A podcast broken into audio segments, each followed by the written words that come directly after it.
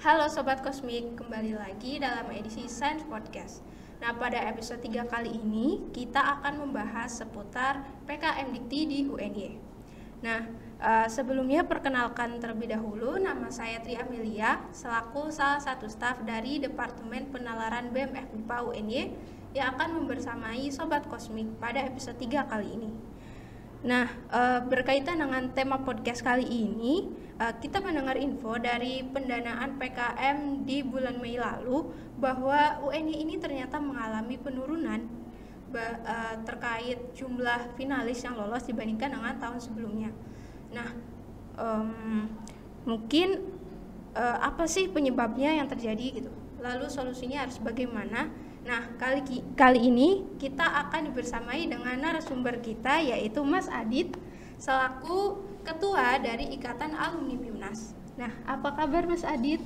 Baik, Mbak, kabarnya. Mbaknya gimana kabarnya? Ya, alhamdulillah, alhamdulillah. baik. Mungkin bisa perkenalan dulu nih Mas, kemudian uh, bercerita gitu bagaimana kesibukannya kita akhir-akhir ini. Oke, siap. Thank you banget. Halo uh, sobat Kosmik semuanya. Perkenalkan aku Aditya Pramudia Senandar. Biasa sih teman-teman dua ini suka manggil nama aku Adit, tapi teman-teman di Pimnas manggil nama aku Pram. Nah, sekarang aku bertugas sebagai eksekutif director dari Ikatan Alumni Pimnas Indonesia. Jadi, ini kumpulan dari para alumni kegiatan Pimnas dan kita membentuk sebuah kelompok. Nah, teman-teman semuanya, aku bilang makasih banget ya Mbak buat teman-teman yang udah ngundang di sini juga selain dari di ini ya Ikatan Universitas itu kita nyebutnya IAP ya mbak. IAP saya juga ada kesibukan di startup education teknologi yang kami rintis dan itu kami rintis juga dari teman-teman alumni PIMNAS. Jadi bareng-bareng kita rintis startup namanya itu Prestatif Academy. Nah pas banget bahasan kita tuh hari ini tentang prestasi. Jadi nanti uh, teman-teman juga bisa cek ke kegiatan kami di akun Instagram official.alumni dan di Prestatif itu aja sih kesibukan aku mbak. Iya oh, keren banget ya narasumber kita kali ini. Nah ini berkaitan dengan PIMNAS dan PKM nih hmm. mas. Nah e, mungkin dari beberapa mahasiswa di UNY itu masih banyak yang asing gitu atau belum terlalu kenal dengan PKM terutama bagi adik-adik maba gitu ya yang baru tahu tentang PKM nah mungkin dari Mas Adit bisa jelaskan nih mas PKM Dikti itu gimana sih? Kemudian penggolongannya itu seperti apa? Oke banyak tahu PKM nggak Ya pernah dengar mas. Aduh pernah dengar. Tapi it's okay sih. Uh, aku pikir PKM tuh memang buat mahasiswa yang baru tuh sesuatu hal yang oh apa sih gitu kan. Oh ini kegiatan apa sih? Karena mereka baru ketemu hal kayak gini itu di kampus kan dengan nama PKM loh. Tapi sebenarnya kalau kalau di tingkat SMA itu udah ada kayak misalnya opsi atau misalnya oh, kegiatan-kegiatan yang berhubungan sama kepenelitian gitu. Nah sebenarnya nggak jauh beda dengan hal-hal kayak gitu. Nah kalau kita tanya sendiri ya jelas PKM itu program kreativitas mahasiswa seperti katanya. Itu program yang dicetuskan oleh Dikti di sekitar tahun 1988 jadi mereka mencetuskan sebuah program nih apa sih yang bisa ningkatin kreativitas mahasiswa yang bisa ningkatin tingkat eh, inovasi dan nalarnya mahasiswa gitu karena itu kita uh, sebutin dengan PKM tapi dulu namanya bukan PKM namanya Lomba Karya Ilmiah Mahasiswa.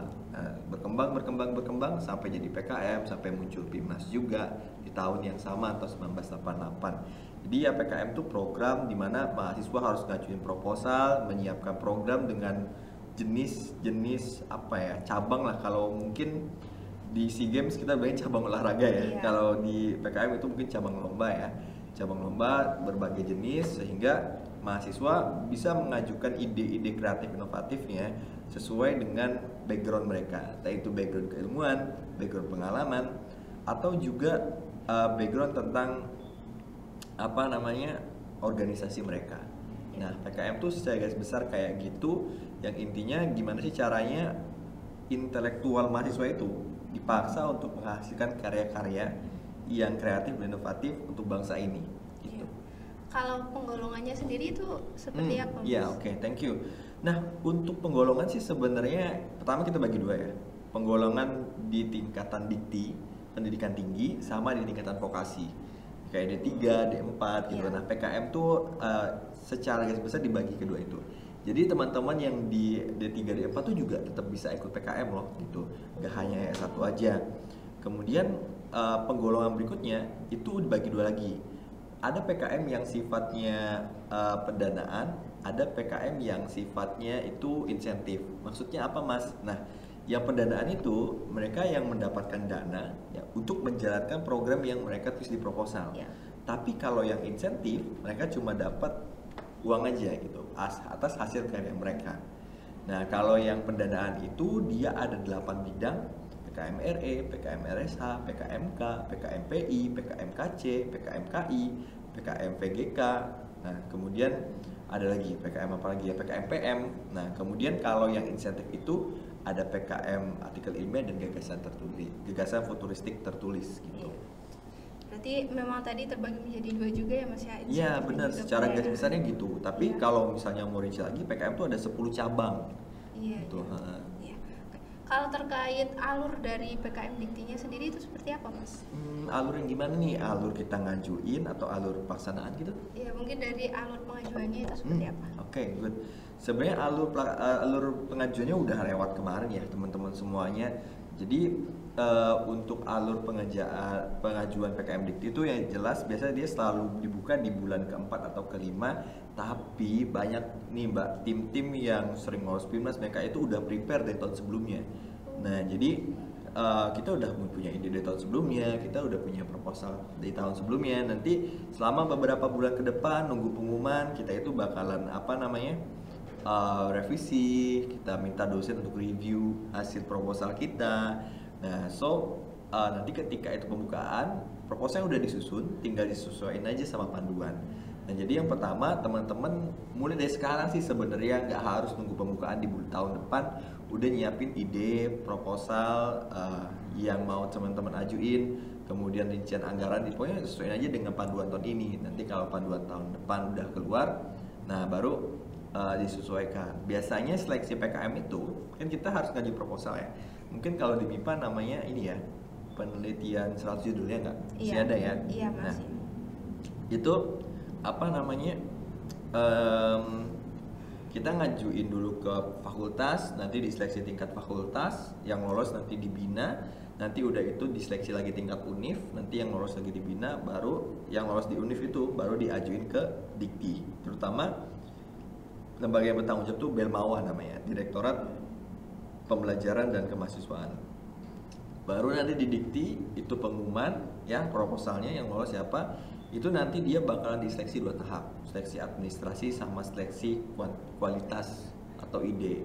nah nanti setelah itu baru nanti uh, bakalan apa namanya pengumuman. Nah pengumuman baru setelah pengumuman uh, menyelesaikan administrasi teman-teman melaksanakan program yang dicanangkan kemudian nanti bakal ada kayak monitoring evaluasi yang disebut dengan PKP 2 kemudian nanti setelah PKP 2 kita harus submit laporan kemajuan ya dan laporan akhir sama artikel ilmiah. Nanti baru seleksi untuk PIMNAS nanti di PIMNAS baru kita benar-benar lomba untuk presentasi kemudian lomba untuk bikin PowerPoint dan macam-macam lah. Iya mas. Lalu uh, uh, terkait yang tadi mas berarti memang kita tuh harus mempersiapkan dari jauh-jauh hari ya mas ya Iya benar. Hmm. Uh, biar lebih berkualitas juga nanti. Iya bener banget mbak. Kita memang harus nyiapin dari jauh-jauh. Kalau misalnya uh, eh, PKM penutupan bulan depan misalnya, tapi kita baru nyiapin bulan ini. Wow, itu akan kita aku berani bilang teman-teman nggak bisa lolos karena saingan teman-teman itu bukan se-UNY gitu. Se-UNY emang saingan gitu. Yeah. Saya misalnya ngajuin, mbaknya juga ngajuin kan kita uh, sama-sama saingan gitu tapi misalnya punya Mbak Amel lebih bagus, Mbak Amel lolos ke tingkat univ, bisa ngajuin ke tingkat nasional. Tapi di nasional saingan lagi. Nah, iya. gitu kan. Lebih lagi eh, lebih besar lagi tingkatannya. Iya, gitu. lebih besar lagi tingkatannya. Belum nanti kita kan di klaster satu ya. Klaster satu kan univ-univ yang gede ya teman-teman semuanya kayak UGM, IPB, ITS, UB, iya, UPI uh, dan UI dan lain-lain lah gitu. Nah, mereka yang lolos itu uh, juga bersaing sama kita kan iya. gimana kita bisa menang lawan UGM menang lawan UPI dan lain-lain gitu kan iya. jadi harus siapin dari sekarang uh, apa nih buat tahun depan gitu. betul sekali oke mas mungkin uh, kita lanjut ke pertanyaan hmm, iya, selanjutnya ya, boleh mas. banget yuk baru-baru ini kita mendengar info nih mas dari PKM Dikti sebelumnya itu ternyata dari proposal penelitian UNY itu mengalami penurunan hmm, jumlah yeah. Iya. uh, yang lolos gitu pada tahun ini Nah, mungkin dari uh, bagaimana tanggapan gitu dari Mas Adit? Ah, Oke, okay. unfortunately ya uh, tidak beruntung sebenarnya kita karena hanya lolos tujuh ya kalau nggak iya. salah ya. Tujuh ada di RE, ada di RSA juga. Soalnya kita di K juga ada. Biasanya kita tuh kuat tuh di K sama di RSA. Saya saya ada ngelihat data tiga tahun terakhir ini ya. Tahun 2020 69 proposal, tahun 2021 58 proposal tahun ini benar-benar anjlok 7 proposal ya nah itu ya saya saya sendiri agak ini ya kalau kata Tristan Muslim tuh why gitu loh the big yeah. why-nya tuh kenapa kok teman-teman nih banyak proposal yang nggak lolos PKM gitu apakah ya kalau aku ditanya pendapatku ya ini kan pendapat tadi ditanya ya cukup kecewa ya kita sedih ngelihat apa yang terjadi gitu tapi saya yakin teman-teman entah itu mahasiswa ataupun itu dosen ataupun itu stakeholders yang yang punya kaitan sama program IDU-nya ini pasti mereka udah ngelakuinnya maksimal. Tapi lagi-lagi saya mau bilang bahwa pesaing teman-teman tuh is not about uh, a wall of UNY but a wall of Indonesia gitu loh. Nah jadi emang uh, it's not easy lah untuk kita ngajuin proposal kan.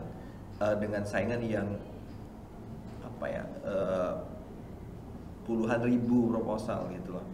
Apalagi gini ya mbak mungkin sedikit tambahin.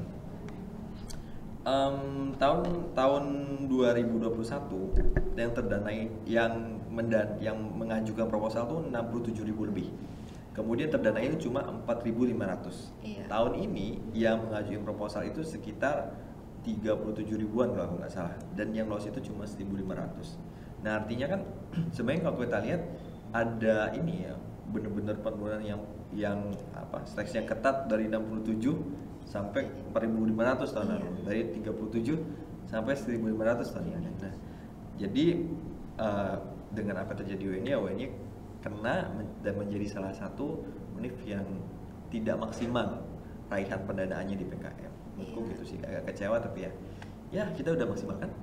Iya. Jadi, kalau menurut Mas Adit sendiri itu hmm. faktor-faktor hmm. apa nih Mas yang menyebabkan adanya penurunan tersebut?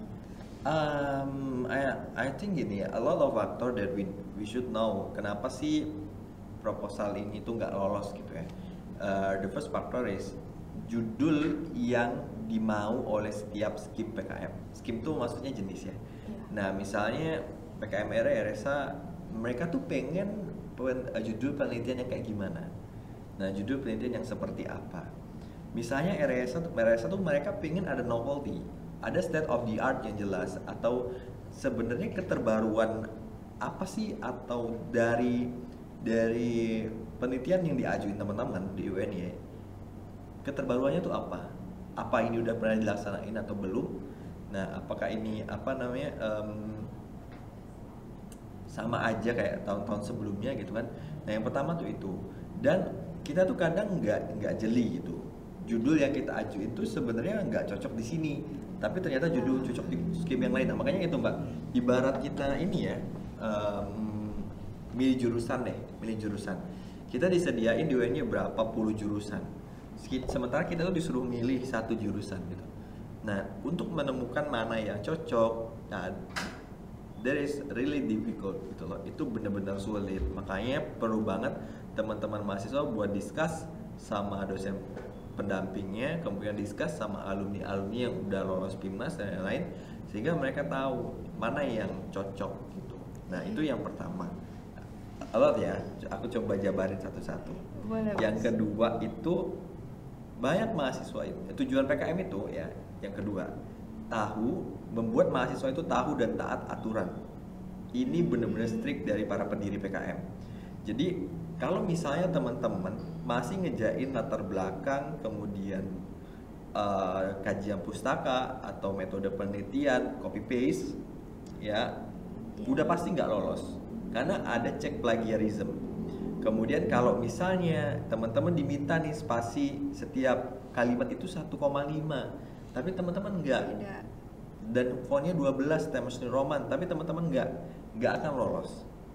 Kalau misalnya teman-teman diminta untuk nomor halaman taruh di pojok kanan bawah atau di pojok kanan atas, tapi teman-teman nggak ngikut itu, udah pasti nggak lolos. Hmm. Kalau misalnya dibilang nggak pakai proposal PKM nggak pakai cover proposal gitu kan tapi masih pakai pasti nggak lolos. Biasanya yang sering sering sering jadi masalah di UNY kalau saya lihat di daftar pustaka juga. Diminta apa style atau misalnya Harvard style teman-teman malah menyesuaikan apa yang ada di Mendeley. Biasanya kita kan pakai Mendeley ya kalau teman-teman tahu ya. Ya udah nyesuaiin Mendeley aja apa yang ada di Mendeley gitu kan. Padahal apa yang diminta PKM itu apa style. Dan apa stylenya PKM itu udah dicontohin kayak gimana. Dan teman-teman nggak ngikutin itu. Ada orang juga yang pakai daftar pustaka ada itu di situ. Tapi ternyata di dalam isinya nggak ada. Itu pasti nggak lolos. Lampirannya misalnya eh, jarak antar kalimat atau ada satu yang nggak lengkap pasti nggak lolos. Jadi PKM itu yang kedua tahu dan taat aturan dan itu sangat strict. Ya even font besar kecilnya kalimat lo bayangin. Nah terus yang itu yang ketiga itu adalah pendanaan pendanaan PKM tahun itu diturunkan jadi Belmawa itu memang um, membatasi penggunaan dana di PKM karena uh, banyaknya program yang diadain Belmawa sehingga dana PKM menurun gitu. Nah, sehingga dibutuhkan efektivitas dan juga efisiensi. Oleh karena itu, agar pendanaannya tetap optimal 5 sampai 7 juta kan, Unif kan boleh untuk mendanai kan sekarang. Nah, tapi gini, konsekuensinya karena pendanaan yang minimal proposal yang lolos yang awalnya 2021 itu dilolosin 4.500 Iya. itu udah standar lah kalau aku bilang. Memang seringnya segitu. Ternyata di tahun ini dipangkas tiga kali lipatnya. Itu pengaruhnya ya mas? Iya salah satunya adalah pendanaan. Mungkin proposal teman-teman nih eh, panitia mungkin sama mbaknya itu bagus di UNY oh kayaknya ini lolos deh. Tapi ternyata disaingi di nasional ada yang lebih bagus. Kodarullah karena masalah dananya terbatas ya teman-teman nggak lolos. Hmm. teman-teman ada di dari 1500 ranking teman-teman di 1501 ya udah nggak lolos. Karena Iya. emang nggak ada dana gitu loh. Emang ada dana. Dan ini juga udah hal yang seharusnya setiap juri Pimnas juga udah tahu pasti. Review-review PKM udah tahu. Dan setiap kampus juga udah tahu. Karena ini yang udah di, disampaikan di seluruh webinar oleh setiap juri Pimnas. Bahwa dana PKM tahun itu terbatas sehingga kalau misalnya kita nggak maksimal eh, nggak out of the box idenya nah eh, ya nggak akan lolos Tuh, nah itu yang keberapa yang ketiga ya ketiga Terus yang keempat itu kalau saya lihat ya banyak uh, mahasiswa sekarang tuh di UNI terutama dan ini udah cukup lama mungkin dari zaman saya ya. Kita tuh fokus banget sama judul-judul alumni. Alumni yang lolos gimana? Kita coba judul yang kayak gini gitu. Kita, alumni ikut lomba apa? Kita coba judul yang kayak gini. Akhirnya mahasiswa UNI itu nggak berani buat explore. Uh, they are afraid to explore about their own idea gitu loh. Mereka nggak berani how to be out of the box gitu. Gimana sih out of the out of the room? Nggak hanya out of uh, apa? Sama aja gitu kan. Maksudku itu ya permasalahan judulnya alumni karena gini judul PKM yang lolos tahun ini itu extremely uh, amazing kalau bilang.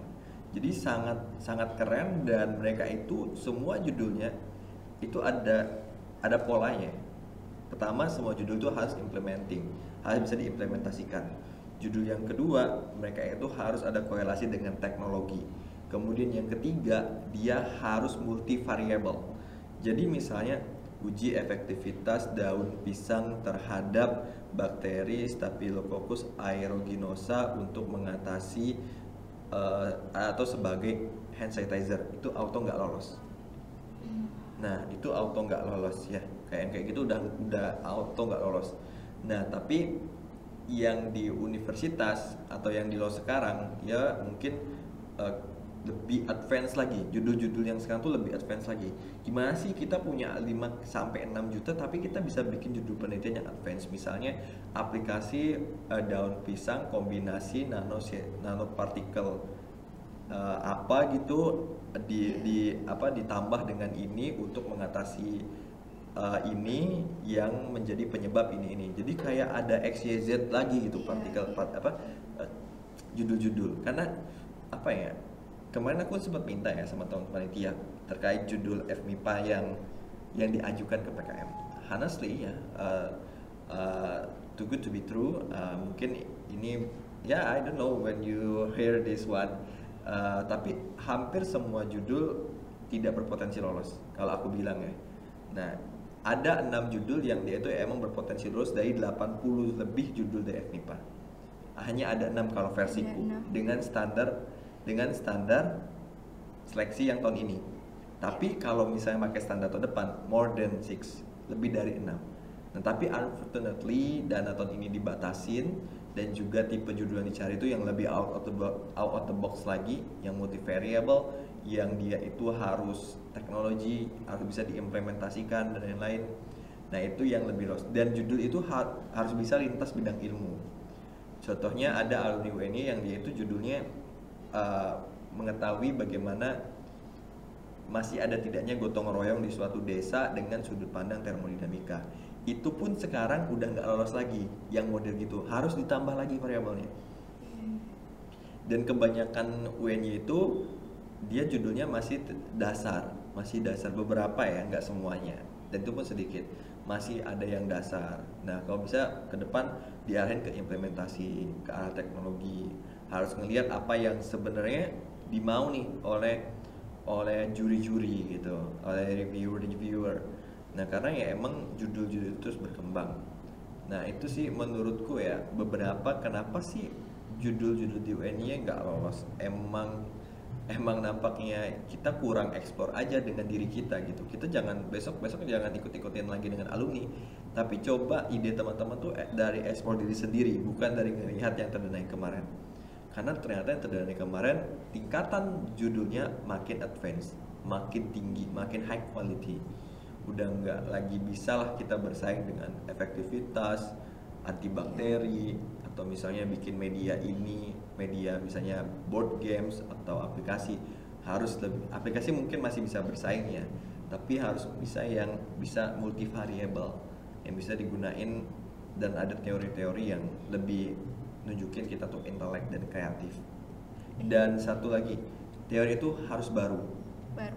Banyak mungkin judul-judulnya teorinya udah 10 years late 10 years ago 10 tahun tuh udah bukan baru loh sebenarnya di PKM Hmm. tapi baru itu 5 3 tahun terakhir.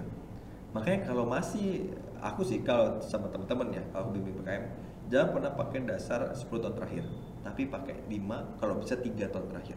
Karena 3 tahun terakhir lah yang nunjukin keterbaruan dari Iya. kalian. Dan jangan mungkin di kalau ini ya UN itu sering banget kita ngelihat rujukan laporan praktikum atau misalnya skripsi dan lain-lain tapi rujuklah jurnal-jurnal internasional yang statusnya Q1, Q2 jadi PKM tuh ngajak teman-teman buat ekspor ya buat ekspor terkait hasil penelitian dan lain-lain itu maybe ya Ya, lebih itu faktor-faktor yang menyebabkan tadi ya penurunan terkait jumlah yang lolos ya mas. Hmm. Eh, Semoga lebih dibenahi agar eh, bisa meminimalisir gitu sehingga lebih banyak lagi yang lolos nanti ke depannya.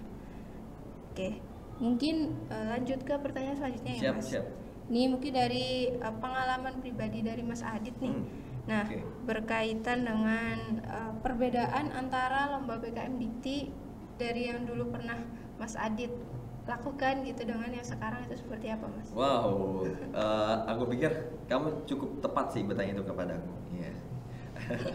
Nggak sombong ya, tapi eh, Oke. eh, jujurnya gini, saya itu lolos tiga kali PKM, tiga tahun berturut-turut. Saya lolos di masih sesi PKM 5 bidang di tahun 2019. Kemudian itu saya lolos di sesi peralihan tahun 2020. Kemudian saya lolos di tahun 2021 lagi penyesuaian. Nah itu jelas semuanya beda-beda. Nah mm, mungkin kalau aku bisa kasih gambaran ya, yang membedakan dari pelaksanaan PKM akhir-akhir ini itu adalah eh, konsep pelaksanaannya atau cara melakukannya gitu. Nah di 2019 itu full luring ya, Eh, jadi kita benar-benar turun ke lapangan, kita ngerancang program. Kalau saya dulu PKMK ya, saya bahkan harus bikin produk itu di lab bisa sampai jam 12 malam, bahkan bisa nginep kalau saya pengen nginep gitu kan. Karena malas balik ke kosan misalnya.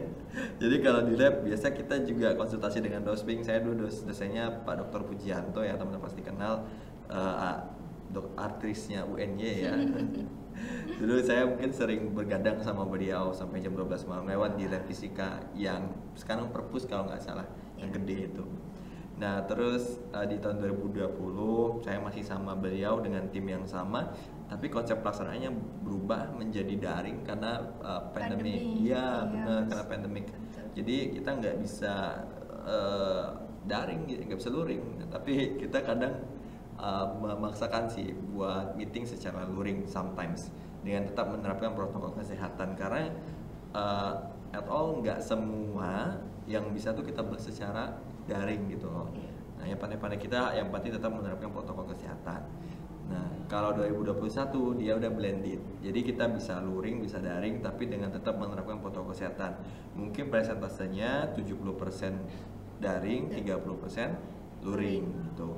Nah, di tahun ini full luring lagi gitu. Jadi emang yang ngebedain itu pendana eh, pendanaan kemudian cara melaksanakannya juga yang itu berbeda-beda dan memang the quality of idea bagaimana reviewer atau the judge itu me- memilih judul emang semakin hari semakin naik karena banyak univ-univ yang mereka mulai aware bahwa PKM itu benar-benar penting buat akreditasi mereka. Nah, kalau UN-nya masih dengan cara lama, kita nggak bisa bersaing dengan univ-univ yang udah mulai naik daun nih Hmm. Gitu apalagi saingan kita di LPTK sekarang dari Universitas Pendidikan Indonesia ya mereka lolosnya banyak mereka lolos lima besar PKM terdanai. Nah kita harus bisa lihat nih di tahun ini apa yang jadi problem kok kita cuma lolos 7 gitu. Gitu sih kalau kita lihat perbedaannya ya. Ada dua dua hal uh, the two major point that I want to I want you to know bahwa emang uh, PKM itu terus berubah tahun ke tahun. Selain dari penambahan skim juga eh. Iya. jadi kayak 2019 tuh ada skim yang uh, gagasan futuristik konstruktif gitu kan. Kemudian 2020 2021 22 itu berubah ininya apa berubah namanya.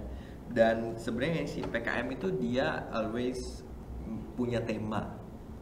2019 dia punya tema misalnya eh, apa ya aku agak lupa. Agak mirip kearifan lokal tapi nggak terlalu. Nah tahun 2020 dia temanya pandemic pandemi covid uh, how to recover ya.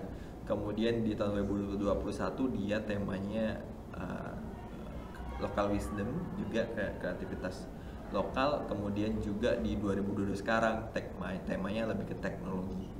Itu sih aku lihat. Oke mas. Nah eh, mungkin dari eh, semua pertanyaan itu ada satu pertanyaan lagi nih mas terakhir dari kami. Nah berdasarkan perkembangan PKM di UN ini mas dari tahun ke tahun gitu sampai sekarang. Nah menurut Mas Adit sendiri itu adakah yang perlu dibenahi atau harus di-upgrade lagi gitu mas agar eh, proposal penelitian di UNI itu lebih banyak yang lolos itu ke depannya. Hmm, ya, oke. Eh, sebenarnya kita tahu siapa yang harus dibenahi sebenarnya ya, kalau kita pakai ini ya. Eh, ya jelas diri kita sebagai Iya. mahasiswa kan ya. Nah, baru nanti stakeholder stakeholder yang terlibat harus dibenahi. Sebenarnya untuk jadi tim yang banyak terdanai, untuk jadi univ yang mahasiswanya itu aktif menghasilkan karya-karya intelektual yang kreatif dan inovatif tuh emang nggak mudah gitu. Yang pertama kita itu butuh sistem yang jelas terkait uh, penelitian. Gimana sih sistem penelitian yang ada di UN itu lebih integrated, especially di FMIPA lah di kampus kita, fakultas kita tercinta gitu. Bisa nggak sih penelitian dosen, penelitian mahasiswa pe- uh, atau kerjasama itu bisa saling integrating each other. Jadi sifatnya tuh harus collaborate gitu, bukan bukan misalnya oh siapa yang punya dana kemudian siapa yang ngelaksanain jangan sampai kayak gitu gitu tapi uh, dosen sebagai mentor dari mahasiswa mahasiswa sebagai uh, ag- agent of change-nya dia yang ngelaksanain riset tapi uh, dosen selalu monitoring dan evaluating apa yang mahasiswa lakuin. Itu kan enak banget. Kemudian juga perlu adanya follow up dari setiap hasil riset. Entah itu hasil riset dosen kemudian hasil riset dari apa namanya mahasiswa. Sometimes we need to know about uh, do you know uh, dosen-dosen kamu itu udah menghasilkan apa aja enggak kan Iya. kecuali kamu masuk kelas dia kelas Iya, beliau betul. Oh, kan kayak gitu kan tapi misalnya uh, saya deh kamu tahu nggak saya udah ngasih apa aja di kampus enggak kan Nah, follow up follow up yang kayak gitu yang perlu kita explore bahwa mindset yang harus dibangun adalah kampus riset gitu loh. Fakultas riset kalau mau dibangun MIPA harusnya sih identik sama fakultas Bisa, riset gitu. iya. Bisa nggak itu dibangun di sini gitu. Nah, itu itu yang jadi yang jadi uh, PR pertama kita gitu.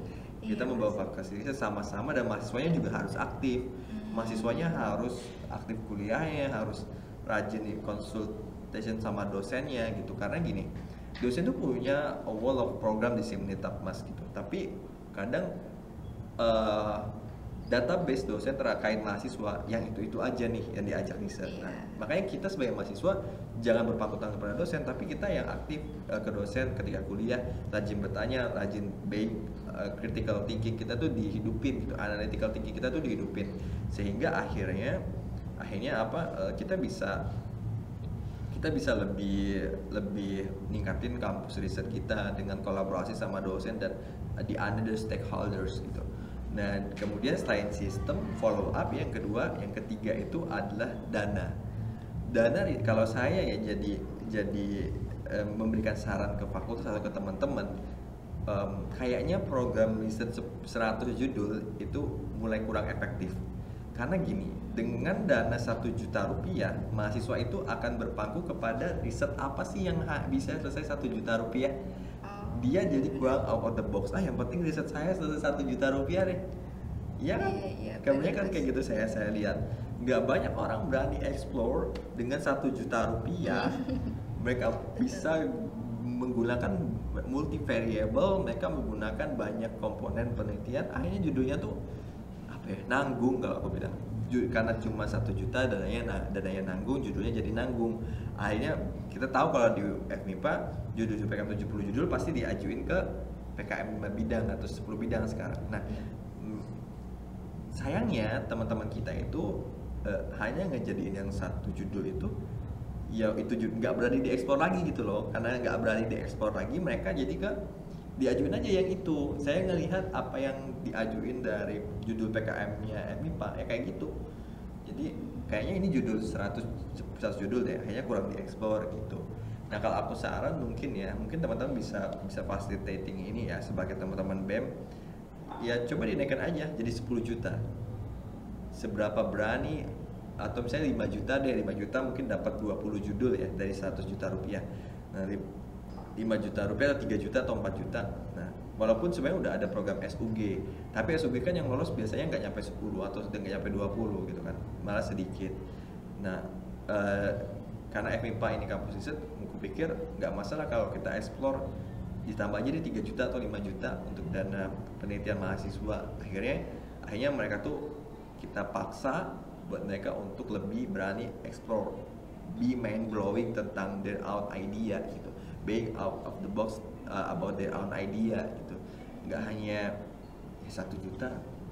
Apa ya satu juta ya ya kan? Tanggung ya. tanggung. Aku pikir tiga atau lima it's okay. Itu bisa bantu lah kita. Maksudku coba aja gitu. Nah itu sih hibah ya. Jadi sistem follow up kemudian pendanaan. Iya. dan the most important thing dari tiga ini itu adalah collaboration between students uh, kemudian juga lecture kemudian juga industri kemudian all of the system especially misalnya BM Hima dan lain-lain. Hmm. Soalnya ngidupin kampus riset tuh emang is not truly easy. Kalau kita nggak bisa dari dalam kita mungkin bisa kerja dengan pihak luar pihak ketiga yang emang dia bisa ngebantu untuk developing uh, sistem kemahasiswaan prestasi di kampus itu sih kalau menurutku Oke mas, jadi tadi ada empat poin yang harus dibenahi ya. Hmm. Yang pertama itu ada sistem, kemudian yang kedua itu ada follow up, yang ketiga pendanaan, kemudian yang keempat tadi kolaborasi ya semuanya. bener Mas. banget bener Oke, banget itu empat poin Nah itu dia eh, jawaban dari Mas Adit ya terkait eh, pertanyaan yang telah kami ajukan sebelumnya. Nah eh, gini Mas sebelumnya kita telah melakukan Q&A nih Mas di. Instagramnya BMF MIPA UNY Yap. dan ada beberapa pertanyaan yang masuk. Mungkin eh, saya bacakan saja ya Mas. Oke. Eh, yang pertama itu ada dari DFSYAAHH.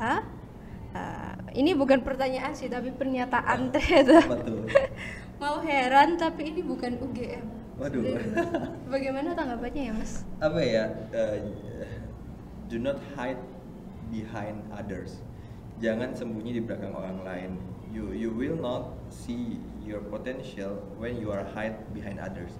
Jangan bersembunyi di belakang nama besar UGM atau seolah-olah mau kami hitamkan or anything. I don't know apa yang ditulis. Tapi uh, do not hide your potential behind each other.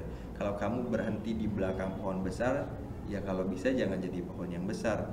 Ya kamu coba untuk menjadi pohon yang dibutuhin di lingkungan itu gitu jangan pernah apa ya kalau aku bilang mau heran tapi bukan UGM.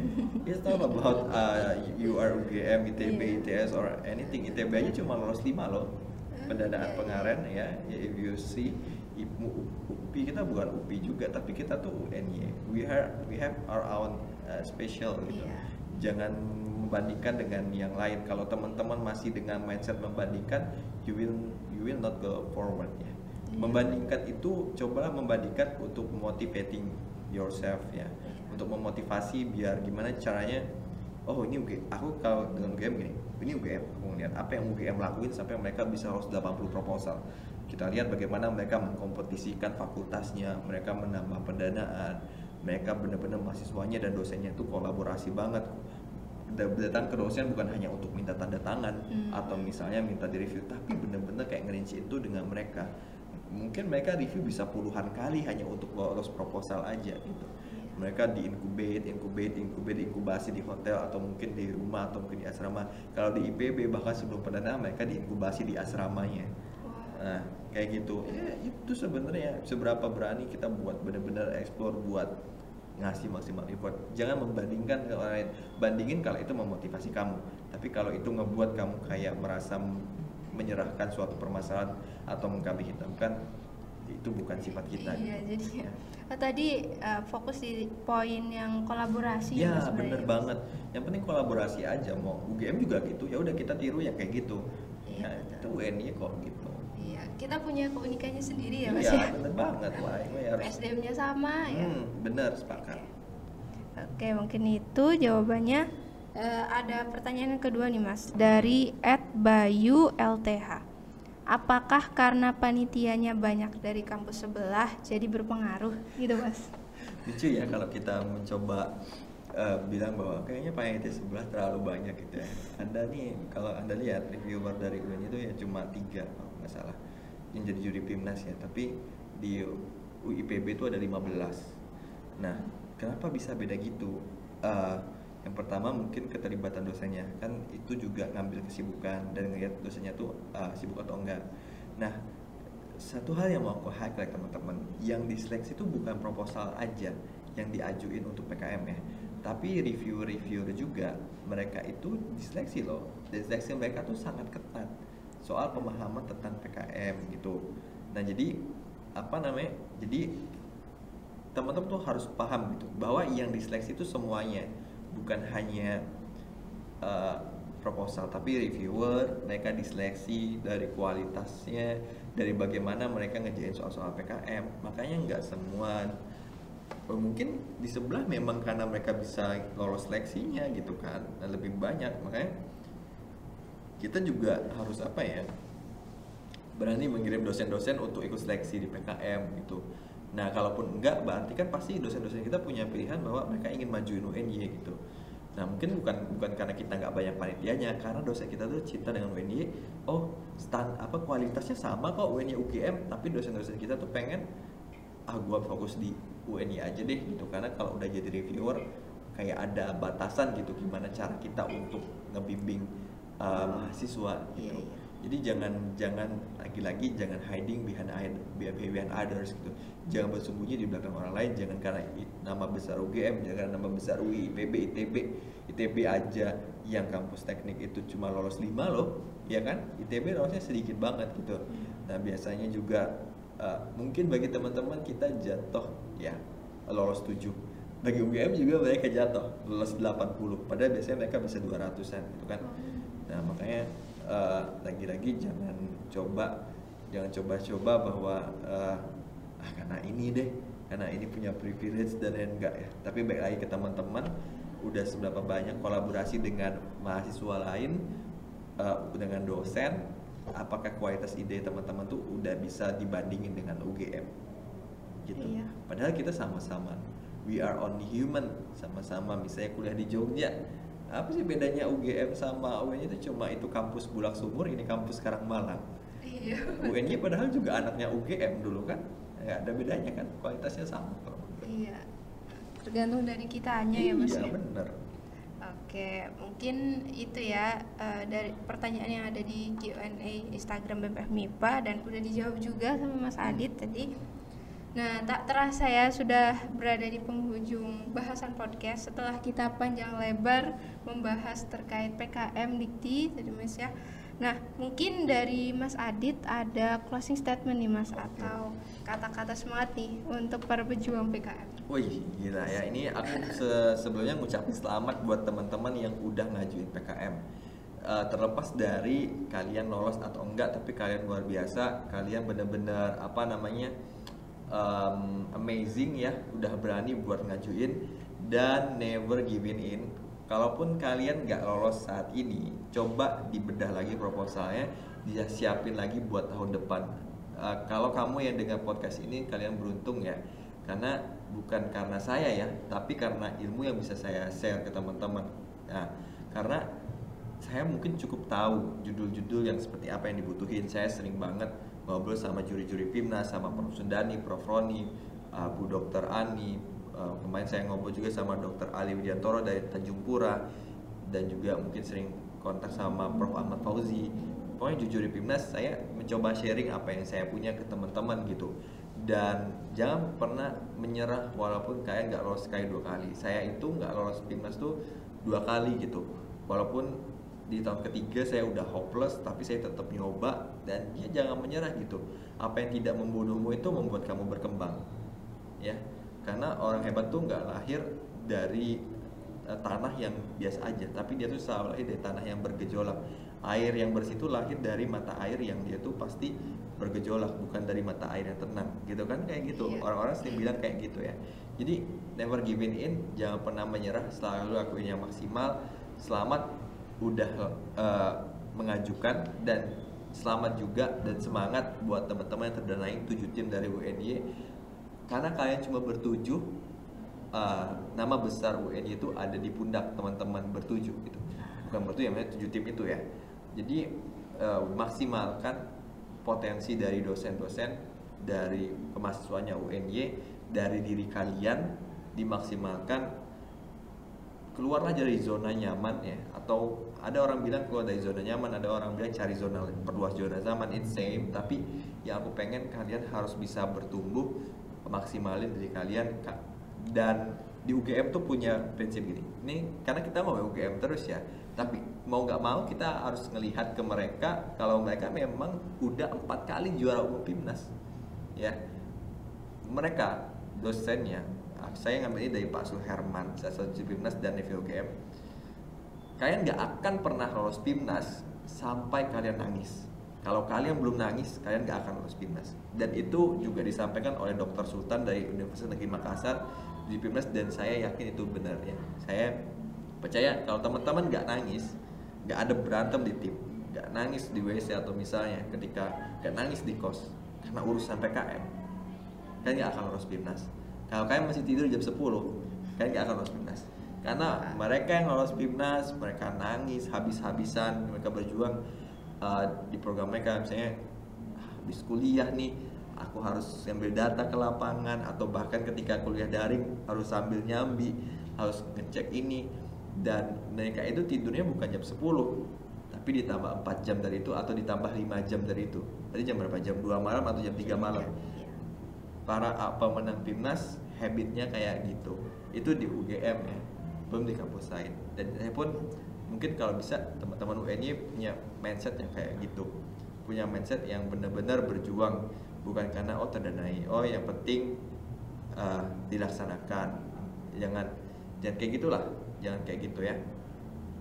Tapi punyalah mindset yang teman-teman itu moving forward. Berat capek lelah iya iya capek lelah berat iya. tapi setelah itu apa yang kalian dapat itu more than what you do. Yang what you get tuh more than what you do.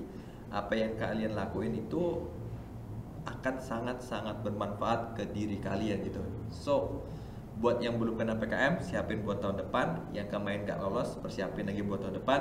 Yang lolos semangat ya. Lakuin dengan maksimal uh, diskusi sama mereka yang udah alumni PIMNAS diskusi sama dosen-dosen jangan satu dosen dulu saya satu proposal tapi saya diskusi sama lima dosen ya jangan hanya sama satu dosen saya diskusi sama yang juri PIMNAS ada Bu Sukina ada Dr. Hermanto ada Dr. juga uh, aku lupa ada satu orang lagi tiga aju, uh, kirim ke proposal teman-teman coba agendain meeting sama beliau-beliau minta beliau untuk mereview teman-teman Pak Puji siapa dosen-dosen UNY yang sering lolosin dan jadi juara PIMNAS minta diskusi sama beliau-beliau kayak gitu jangan berpangku tangan ke satu orang lakuin maksimal uh, kalau prinsipnya belum nangis belum PIMNAS nggak apa-apa pakai aja itu sampai teman-teman itu jadi juara. Jangan pernah kasih standar rata-rata, tapi cobalah jadi orang yang di atas rata-rata. Jadi tetap semangat. Uh, apa ya? Do the best and let God do the rest. Wah, dari mantap sekali. Ini sangat memotivasi kita ya untuk uh, lebih baik lagi nanti ke depannya. Oke Mas, terima kasih ya, banyak Mas sama-sama, telah menyedi uh, menyediakan waktunya untuk hadir sebagai narasumber kita kali ini. Ya, sama-sama. Kemudian untuk sobat kosmik, jangan lupa nantikan episode Sense Podcast selanjutnya. Nanti akan lebih banyak lagi tema menarik yang akan kami angkat. Terima kasih banyak. Sampai jumpa.